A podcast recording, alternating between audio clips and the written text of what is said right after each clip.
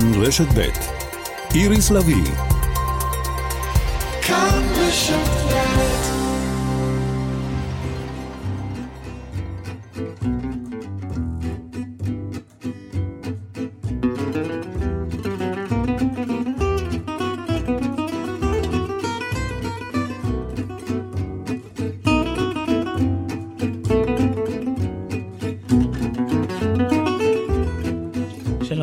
וערב טוב לכם. לקראת שבת, שעה של רעיונות ומוסיקה, כאן ברשת ב', מעכשיו עד שבע. מיד נשמע כאן על קיצור תולדות היהדות, קורס חדש בעלמא, עם הדוקטורות קלדרון, על תיאטרון מלינקי שחוזר בבית חדש. נשמע ונדבר קצת על מוזיקה ישראלית עם יהודה עדר, מנהל רימון, ולקראת יום העצמאות, אילן שחורי, חוקר תל אביב, יזכיר לנו מהם המהלכים שנעשו בעיר לקראת הכרזת העצמאות בה. כל אלה ועוד ככל שנספיק, כאן איריס לביא, אתם מוזמנים. שבת שבת עם איריס לביא. בשבוע הבא יחול יום העצמאות ולפניו יום הזיכרון לחללי צה"ל.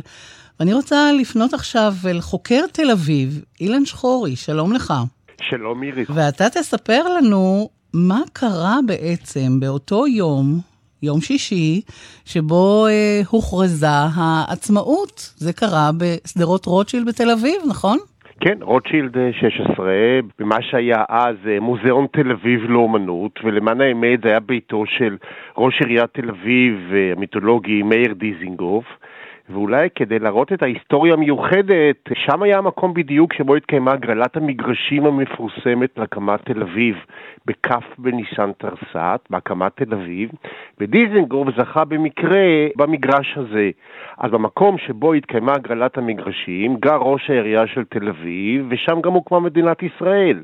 ובאמת, הבית שנבחר להכרזת המדינה היה ביתו של דיזינגוף, אבל חשוב להגיד שהיו דיונים לעשות את ההכרזה גם במקומות אחרים, למשל האולם הגדול של הבימה דיברו עליו, למשל בית הכנסת הגדול באלנבי דיברו עליו, אחר כך מישהו אמר זה אופי דתי, בית הוועד הפועל של ההסתדרות ברחוב אלנבי, אבל אמרו זה יכול לתת צביון סוציאליסטי.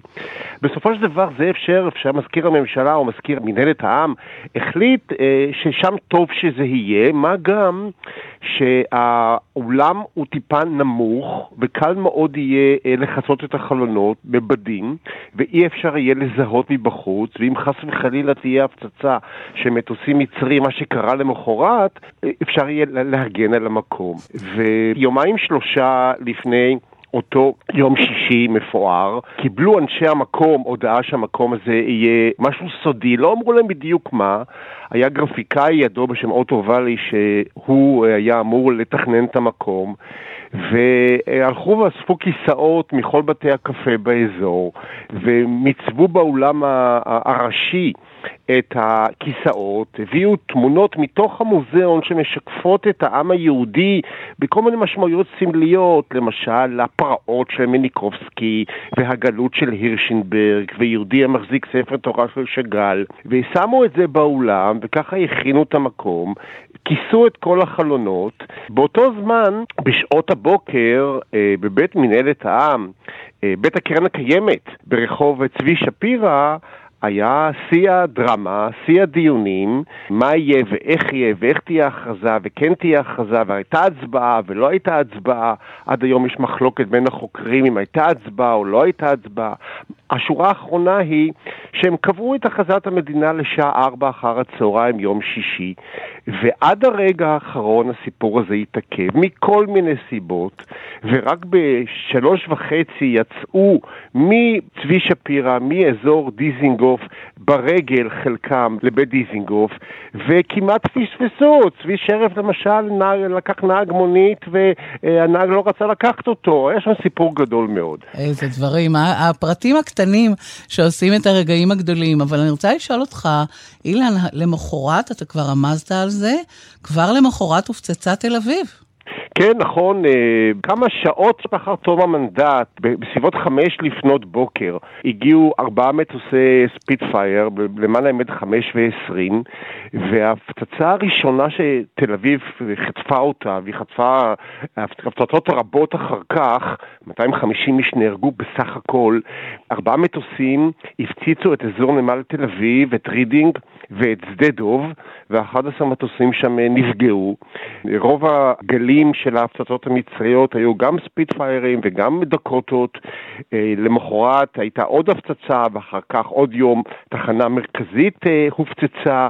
ואגב, לפני כמה שנים התקשר איתי אה, בחור שניהל שם איזשהו מפעל קטן למרצפות ואמר לי, מבקשים לפנות אותנו ואני רוצה להראות לך דלת פלדה שעליה יש אה, אה, נקבים, חורים, ממטוס מצרי שהפסיד את התחנה המרכזית ואני כמובן צילמתי את זה לפני שעזבו ברחוב השרון בתחנה המרכזית בתל אביב. וואו.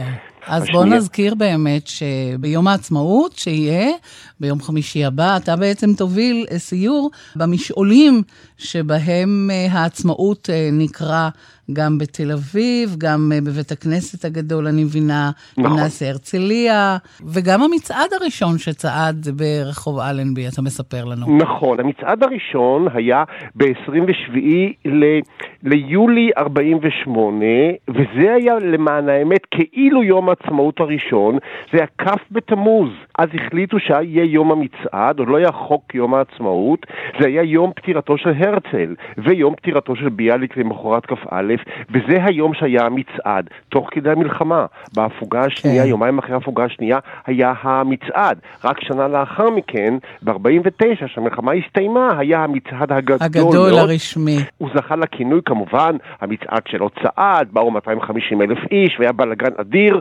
ועדות ועדת חקירה הראשונה, אז זה המצעד השני של הוצאת, אבל המצעד הראשון תוך כדי מלחמה. אילן שחורי, חוקר תל אביב, על עצמאות ותל אביב, ביום העצמאות אתה גם אה, תוביל סיור. בינתיים סיפרת לנו ולמאזיננו, תודה רבה לך. תודה רבה. בשלפת נושב כבר הסתיו, האבק בדרכים עד שקע, והיום רק אלייך נשרף, וחולם על פגישה רחוקה. אין אפשר כי עוד ערב יבוא, והשעה